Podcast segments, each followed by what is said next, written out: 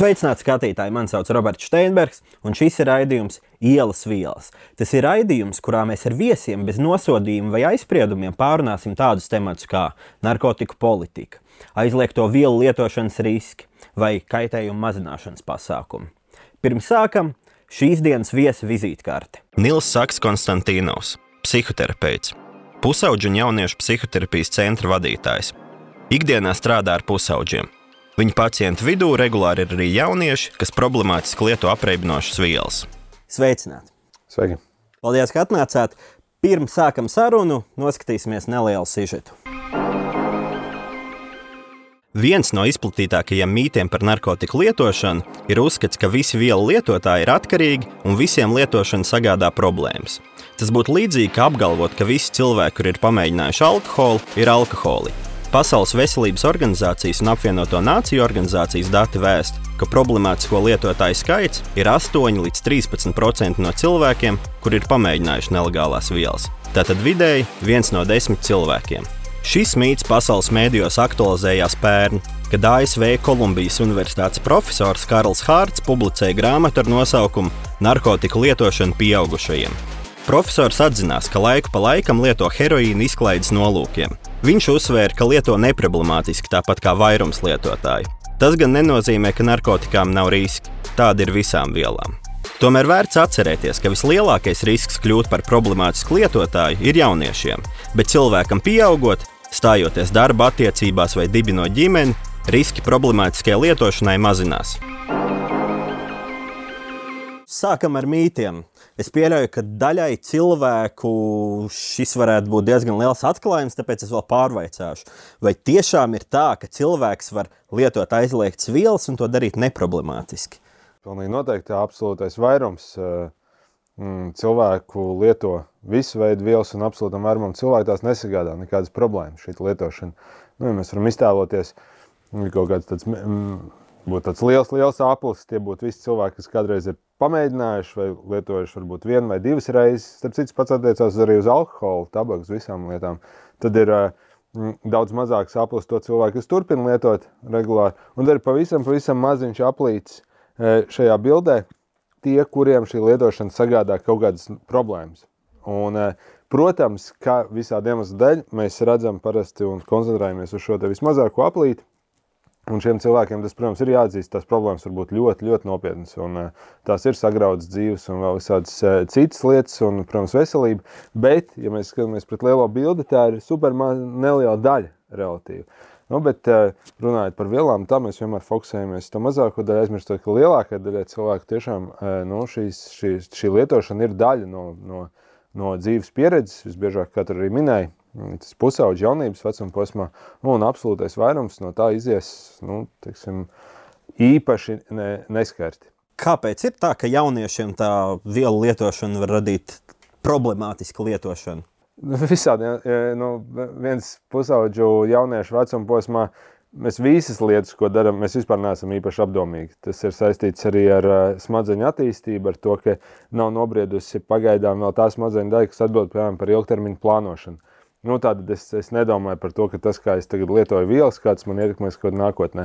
Nav īsti attīstīta impulsu kontrole. Tas, kā es spēju sev sabremzēt, nu, tad es kaut ko redzu, kaut kas apkārt notiek, tad es arī tajā iesaistos. Draugiem ir milzīga nozīme. Nu, līdz ar to es daru to, ko dara mani draugi. Ja man draugi lieto, tad es arī lietoju. Nu, Visi šie iemesli, protams, sakrīt. Un arī tas, ka fiziski vienkārši ķermenis ir ļoti, ļoti spēcīgs šajā vecumā, Un kā mēs droši vien atceramies no, no savas uh, pusaudzības un jaunības pieredzes, tas spēja panest ļoti, ļoti lielas devas un, uh, un, un lietošanas ilgums. Un tā, nu, tad, tas attiecīgi ir visas šīs lietas sakrīt. Un, un, un pusauģi jaunieši vēsturiski vienmēr ir bijusi tā, tā grupa, kura nu, lieto visneprātīgāk. Un, protams, pēc tam dzīves gaitā tas lēnām izlīdzinās. Vai varētu būt tā, ka mūsdienu politika, ko mēs piekopjam, narkotiku politika, ko mēs piekopjam to starp Latvijā un arī daudz kur citur pasaulē, kaut kādā mērā balstās uz dažādiem mītiem, puspatiesībām vai nepatiesībām vai novecojušu informāciju, nevis jaunu, atklātu, jauniem zinātniskiem atklājumiem un pierādītu informāciju. Jā, absolūti. Un, uh, narkotika apkarošanas joma noteikti nav vienīgā, kur, kur tas tā ir, bet, bet pilnīgi noteikti. Nu, tur ir dažādi arī izskaidrojumi, jo viens, tas ir zināms, ka lai pētnieku vai teiksim, zinātniskās atziņas nonāk līdz reālajai dzīvē, līdz reālajai politikai, parasti paiet 10 vai 20 gadi. Nu, tas laika e, nogrieziens ir pietiekami liels. Bet, protams, narkotikas ir viena no īpaši stigmatizētajām e, lietām. Tā ir ļoti specifiska tēma. Tā daudziem cilvēkiem saistās ar, ar kaut ko īpaši šausmīgu. Tāpēc, protams, ka nu, arī šeit ar vēsu prātu un, un, un racionālu saprāšanu pieiet ir, grūtāk. Šī nav tāda problēma līdzīga, kā mēs risinātu, nezinu, piemēram, malāriju vai, vai, vai nu, labi, arī Covid. Tas nebūtu labs piemērs, bet eh, nu, kaut kāda sabiedrības veselības problēma. Šeit tas saistās ar ļoti tādiem milzīgiem stigmatizētiem priekšstatiem par šo. Un, un tas ir aizvēsturiski jau tā bijis, tas saistās ar kaut kādām. Ar, ar, ar, ar ļaunumu. Tas saistās ar to, ka šie cilvēki, kas to lieto, ir kaut kādā ziņā briesmīgi, ka viņi sagandāja visu sabiedrību un vēl kaut kas tāds. Nu, līdz ar to pret viņiem jācīnās visiem iespējamiem līdzekļiem. Es, protams, domāju, ka daļa tur, protams, arī ir finanšu intereses diezgan liels tajā, tajā visā iesaistīts, jo, protams, ka nu, narkotikas atšķirībā no zinu, tās pašas malārijas, tas nozīmē liels bizness. Un narkotikas apkarot ir milzīgi liels bizness. Nu, līdz ar to, protams, arī tas droši vien jāņem vērā. Jā, bet, ja skatās tādā Latvijas kontekstā, piemēram, mums tāpat trūkst policistu, viņas nav problēma pārkvalificēt un tādā veidā. Nu, bet mēs runājām par jauniešiem. Tur bija pieminēti jaunieši, ka viņiem ir uh, lielāki riski. Ko mēs kā valsts vai kā sabiedrība darām, lai nezinu, kaut kādā veidā atturētu vai mazinātu šo vielu lietošanas izplatību? Mēs darām visas absolūti nepareizās lietas, kuras vielu lietošanas izplatību vai nu nesamazina, vai, vai arī tieši otrādi vēl palielina. Nu, var, var minēt dažus piemērus. Teiksim, mēs sūtām uz skolām eks-lietotājus, teiksim, vai, vai cilvēks vispār ar dažādiem pieredzes stāstiem, kur tur dalās ar šo pieredzi. Šī ir viena intervence, kur mēs zinām, ka tas ne tikai nepalīdz, bet tas patiesībā e, rada jauniešos, e, nu, īpaši riska jauniešos, lielāko interesi par vielām. Amerikā ir veikta laba pētījuma par šo. Ir zināms, tajās skolās, kur šie eks-lietotāji brauc, tur parasti pēc tam pieaug e, vielu izplatība.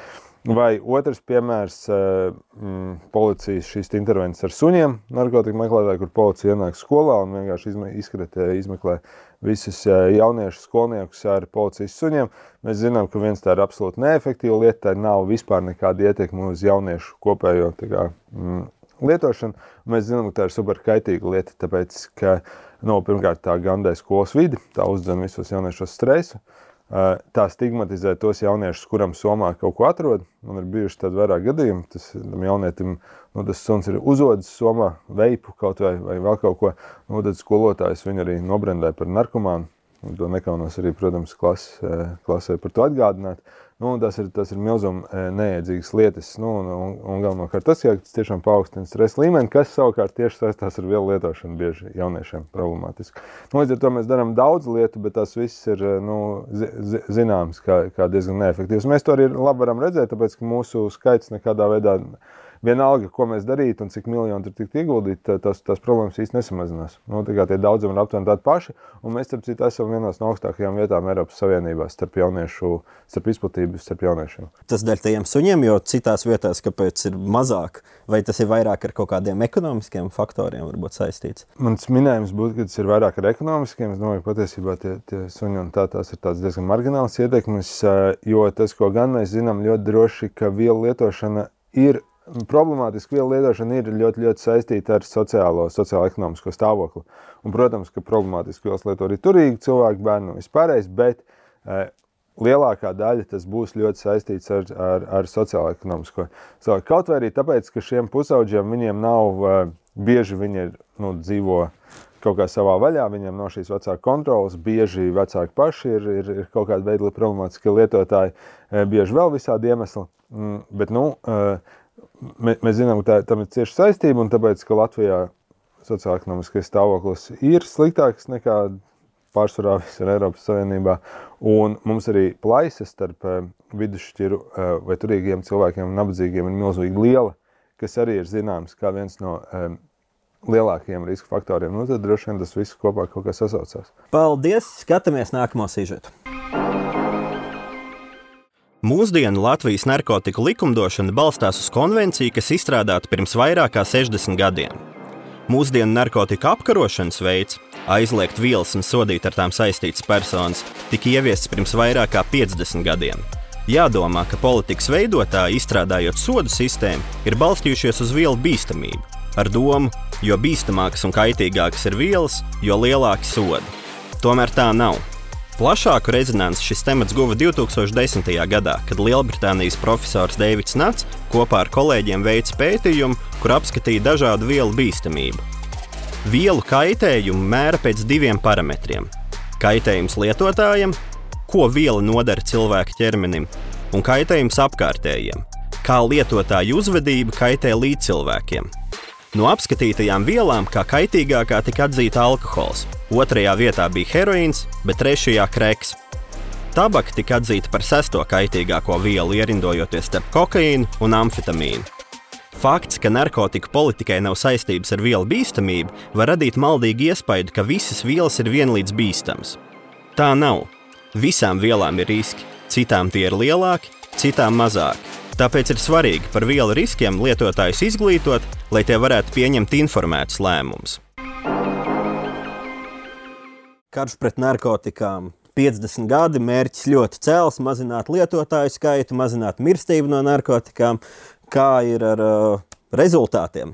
Tas jau Bībelē ir rakstīts, var koku pazīt pēc augļiem. Nu, var, mēs varam jebkuru politisko uh, veiksmi vai neveiksmi pateikt pēc tā, kāds rezultāts tā nes. Un, protams, tas saucamais karš pret narkotikām patiesībā viņš ne tikai nenes rezultātus, tāpēc ka narkotikas nekādā veidā nav apkarots, bet uh, viņš patiesībā ir ļoti kaitīgs, tāpēc ka tas, ko tas nodara, šī te, šāda veida politika, nu viens tas ārkārtīgi stigmatizē lietotājs, viņi nonāk uh, cietumos un visādās lietās neproporcionālā daudzumā, bet tas arī veicina nāvis, nu, to starp jauniešu nāvis no pārdozēšanas, piemēram. Um, Un e, tas, tas neļauj šo problēmu risināt kaut kādā cilvēcīgā, saprotamā veidā. Nu, līdz ar to tas e, karš pret narkotikiem tas ir zināms kā ļoti neveiksmīgs, e, ne, ļoti neveiksmīga politi, politiskā pieeja. Otrs, ko es arī dzirdēju, bija interesanti par šo narkotiku dalījumu. Un vispār, kad mēs par to runājam, narkotikas izklausās, ka ir kaut kādas īpašas vielas, kas ir ļoti kaitīgas un kuras lieto tikai narkomāni. Bet mūsdienās nu, tas vispār neatbilst nekādai realitātei, tāpēc, ka piemēram, arī starp jauniešiem, nu, protams, populārākās vielas vienmēr būs tās, kas ir vieglāk pieejamas, alkohols būs eh, tradicionāli augstāka marihuāna, bet kopumā šobrīd jauniešiem vispopulārākie ir psihotropie medikamenti. Restīvi, jaunietis, eh, mūsdienu jaunietis visvieglāk un, un vislielākais risks viņam nonākt pie šīm atkarību izraisošajām vielām ir pie ģimenes ārsta vai psihiatra, ne jau e, no kaut kāda nezināma narkotīla uz ielas. E, Nu, tas arī ir tāds aspekts, ka patiesībā mēs domājam, e, mēs atzīstam, ka ir kaut kādi konteksti, kuros cilvēki var lietot šīs vielas, un mēs to gribam kontrolēt. Un ir kaut kādi, kuros nu, tās pašas vielas, bet viņas pēkšņi kļūst par kaut kādām tādām ārkārtīgi briesmīgām, ļaunām substancēm. Kas, protams, neizslēdz to, ka ir vielas, kuras noteikti ir visiem veidiem jāierobežo. Un šķiet, ka spaiss bija tāds labs piemērs, e, kur mēs arī redzam, ka E, vienu lietu konkrēti ierobežojot un to arī e, labi uzraugot, un tā to tiešām var diezgan ievērojami samazināt to problēmu. Runājot par pārdozēšanām un tādām lietām, es saprotu, ka nu, nelegālo tirgu neviens neuzrauga. Tur nav kontrolas instances. Mēs dzirdējām, ka vielu bīstamība ir ļoti dažāda. Un, uh, viens no visbīstamākajām vielām ir legāli pieejams, protams, kontrolēt no 18 gadu vecuma un tā tālāk. Šajā gadījumā vai sanāk tā, ka dažām vielām, ka dažas vielas ir nevis aizliegtas, jo tās ir bīstamas, bet viņas ir bīstamas, jo viņas ir aizliegtas? Absolūti, tas ļoti labs formulējums. Es tam pilnībā piekrītu. Ja, protams, ka narkomānija un vielu lietošana tā ir arī e, tā notiek noteiktā kultūrā, noteiktā kontekstā. Un, piemēram, tikai mūsu kultūrā un tikai mūsu rietumē Eiropas izpratnē, nu, teiksim, marihuānas smēķēšanu mēs varam uh, identificēt kā tādu kaut kādu ļaunu parādību, kas jāapkaro un jāliek cilvēku ar to cietumā. Kādā citā kultūrā, nu, teiksim, Latvijā, Amerikā, tas teiksim, kokaīna patēriņš ir, ir, ir ikdienas ieradums. Un, un savukārt citās kultūrās alkohola lietošana ir kaut kas absolūti nepieņemams, par ko cilvēku var ielikt cietumā, nu, teiksim, islāma kultūrā. Kā skaidrs, ka tur ir milzīga um, vienkārši kultūras nospējums, ko mēs arī, protams, ne, neņemam varbūt vērā ikdienā, un tas, uh, Un reāli mēs gan narkotiku lietotājus, gan narkotikas mēs, tā, mēs tos radām paši, piešķirot šīm vielām šādus statusus. Nu, un piešķirot šīm sabiedrības grupām tādus nosaukumus. Man vienmēr labs tāds uh, piemērs, un par to es kādreiz man pirmā pieredze kā terapeitam bija sākot strādāt uh, programmā, kas saucās Pusauģu narkomānu uh, rehabilitācijas programma vai kaut kas tāds. Un man vienmēr licies nu, viena no ļaunākajām lietām, kur izdarīt, jo mēs paņemam šos pusaušus, mēs viņus jau nosaucam par narkomāniem, līdz ar to mēs radām narkomānus. Mēs viņus tā nenosauksim. Nu, tā tā, tā, mēs to problēmu skatītos pavisam citādāk. Un vārdiem un klasifikācijai, protams, šeit visur ir milzīga nozīme. Kā ir ar info kampaņām? Es zinu, ka tās tā saucamais just say no, jeb vienkārši saki nē, uh, politika vai kā lai to sauc, ir pietiekami sena, gandrīz tikpat sena, cik karš pret narkotikām. Salīdzinoši nesen mums arī uh, mēs, mēs turpinām stāstīt diezgan līdzīgā manierē uh, par to, ka vienkārši tev ir jāpasaka ne, un vai tas strādā. Vispār tas, tas, ko zinu no prevencijas pētījumiem, tā ka mums ir uh, vairākas grupas. Atceries, mēs, mēs runājam par to lielo apli, par to mazāko un par pašu, pašu mazāko. Un, ja mēs runājam par to lielo apli, kas ir pārsvarā absolūtais vairums jauniešu. Absolūtais vairums jauniešu viņi nelietos narkotikas, vai arī viņi pamēģinās pāris reizes, vai lietos diezgan kontrolēti. Un viņiem šīs kampaņas patiesībā ir tīri ok, tāpēc ka tas ir veids, kā, nu, kā viņiem iedot kaut kādu informāciju un nostiprināt viņos to pārliecību, ka, tas, ka tā nav laba lieta. Viņiem darētu gan tādu kampaņu, gan ka viņiem kaut kas skolā pasaka, gan kaut kas, ko YouTube redzētu. Viņi tāpat nav noskaņot lietot, un viņiem šis kā, nu, palīdz noturēt to priekšstatu. Tādā ziņā tām kampaņām ir kaut kāda neliela jēga. Tas, protams, ir nenormāli dārgs veids, kā, kā informēt jauniešus un sniegt viņiem informāciju. Nu, tas, protams, ir ārkārtīgi neracionāls veids, bet, nu, fine. Tas līdzīgi kā runājot ar jauniešiem, piemēram, ar jauniešiem, kur nelieto.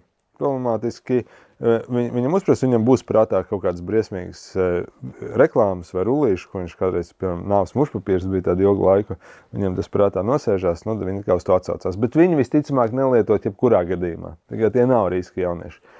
Savukārt tiem, kas ir riska jaunieši, tiem, protams, šīs reklāmas nu, nav relevantas vispār viņiem var rādīt kādas video rullīšas, nu, vēlās, tas viņu lietošanas paradums īsti neietekmēs. Tāpēc, ka tie iemesli, kāpēc viņi lieto, nu, tie ir, tie ir pavisam citi, tie ir daudz spēcīgāki nekā kaut kas informatīvajā telpā. Nu, tādā ziņā var teikt, ka kopumā šīm reklāmām liels, liels nozīmes, protams, ka nav. Tas ir informatīvs un vienīgais, ja mēs tā, mums, protams, lielā daļa jaunieši ir jāinformē par to, bet to var izdarīt daudz efektīvākā veidā. Savukārt, no tie, kam, uz ko vajadzētu vairāk koncentrēties, tiem šī, šī vispār nav atbilstoša pieeja. Ja mēs skatāmies uz uh, jauniešiem, tad, uh, protams, ka pārsvarā, kur viņi iegūst šī, šīs vielas, ir kaut kāda nelegālais tirgus vai arī kaut kādu medikamentu gadījumā viņiem tās var būt izrakstījis ārsts. Uh, un, uh, ir tāda tendence pasaulē, vismaz es pieļauju, ka arī Latvijā, ka tiek uh, viltotas šie paši recepšu medikamenti, Zanaks, piemēram, bet, piemēram, doze ir divreiz stiprāka nekā Latvijā uh, atļautā. Kādus riskus tas rada? Nu, protams, veselības riskus. Un tā ir taisnība, jo e, daļa jauniešu. E, daļa jauniešu tos iegūst mājās no vecākiem, kuriem ir izrakstīts e, šie, šie medikamenti. Daļa mainās savā starpā. Uh, Reizēm daļa vienkārši pērk dārknetā vai vēl kādā veidā caur internetu piegādā. Un ir daļa, kas tiešām tiek ražoti. Un, mums bija gadījums, kad bija aizdoms, ka Polijā viņas diezgan masveidā ražo, viņi nāca pār robežu. Un, un, un vēl kaut kas kā tabletes, kuras, kuras sauc, piemēram, nu, Zaneks ir tā populārākā, populārākais medikaments, kas vairāk droši vien tiek, tiek viltots. Un, un ķīmiskajās analīzēs, protams, tur bija visādas, visādas, visādas uh, lietas. Uh, nu, tie, tie ir ārkārtīgi veselības riski, to mēs saprotam.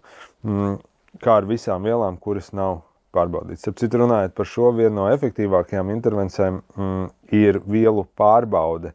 Um, vietās, kur viņas tiek lietotas, nu, piemēram, mūzikas festivālos. Un nu, pat no šīs vasaras ienāca dati, ka aptuveni 70% lietotāji, kas atnesa savu vielas pārbaudi, tik viņi uzzina to ķīmisko sastāvu, viņi, viņi, viņi atstāja un atsakās lietot. Kas man liekas, nu, ļoti, ļoti svarīga lieta. Anonīma narkotika testēšana, kas ir viens no kaitējuma mazināšanas pasākumiem. Absolūti, mēs esam efektīvākie. Mm -hmm. Pēc tā, ko mēs runājam, izklausās, ka principā politiskajā līmenī, ko mēs darām, mēs darām vai nu, lai nemainītu to situāciju, vai lai pasliktinātu, kas neizklausās pārāk loģiski. Paslikt, nu, nu, protams, ka mēs, eh, ja mēs tā runājam pavisam eh, godīgi, tad mēs viņu eh, ir liela cilvēku grupa, un parasti tā ir sociālais neaizsargātākā grupa, kuriem tas super kaitē. Tāpēc tie ir cilvēki, kuriem tiek likt šie piespriest sodi, krimināla atbildība, kas nonāk cietumā, ieslodzījuma vietās, jaunieši, kas sāk mm, kuras sāk piespiedu kārtā ārstēt psihiatriskajās slimnīcās, pēc tam viņas ievieto dažādās iestādēs. Nu, mēs saprotam, ka tas ir sagrauts dzīves tā vietā, lai viņus nu, kaut kādā veidā palīdzētu un atbalstītu viņiem mērķiecīgi. Mēs viņus nu, sodam par šo. Un, tā noteikti nav labi pieejama. Atkal, ja mēs apstāmies uz cietumiem, nu, Latvijas cietumi jau ir izslavēta problēma. Es nezinu, vai mums tagad ir kaut kāda laba statistika, bet šķiet, ka pēdējā, ko es aptuveni redzēju, bija, ka ap 80% bija tas cipars, kas bija ieslodzīts saistībā ar narkotikām vielām kaut kādā sakarā. Nu, tad, principā, mēs redzam, ka jebkurā gadījumā būs milzīgs, milzīgs cipars, kas, kas uztur šo visu sistēmu. Nu, tā skaidrs, ka nav ne cilvēcīgi, ne saprātīgi pieeja. Tas nozīmē, ka nu jā, nu, pietiekami liela proporcija tur ir arī noteikti dēļ lietošanas, nevis tikai dēļ, piemēram, tirgošanas. Absolūti, jā, jā. Jo ceļš maziem tirgotājiem, jo tas parasti pārklājās ap divu.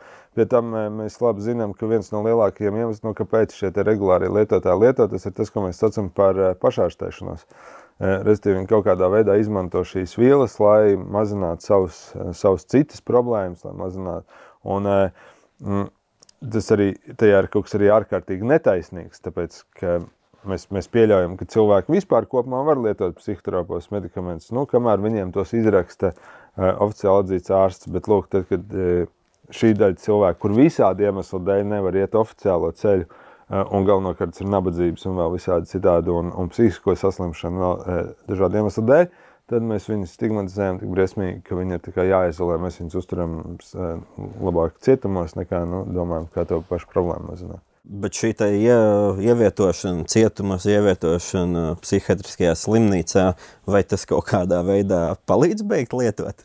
Nē, nē mēs jau zinām, ka cietumos ir viena no lielākajām lietošanas reitēm. Tas noteikti nepalīdz, un psihiatriskajā slimnīcā absolūti ne. Tas ir viens no e, kā reiz riska faktoriem, kas pastiprina šo lietošanu.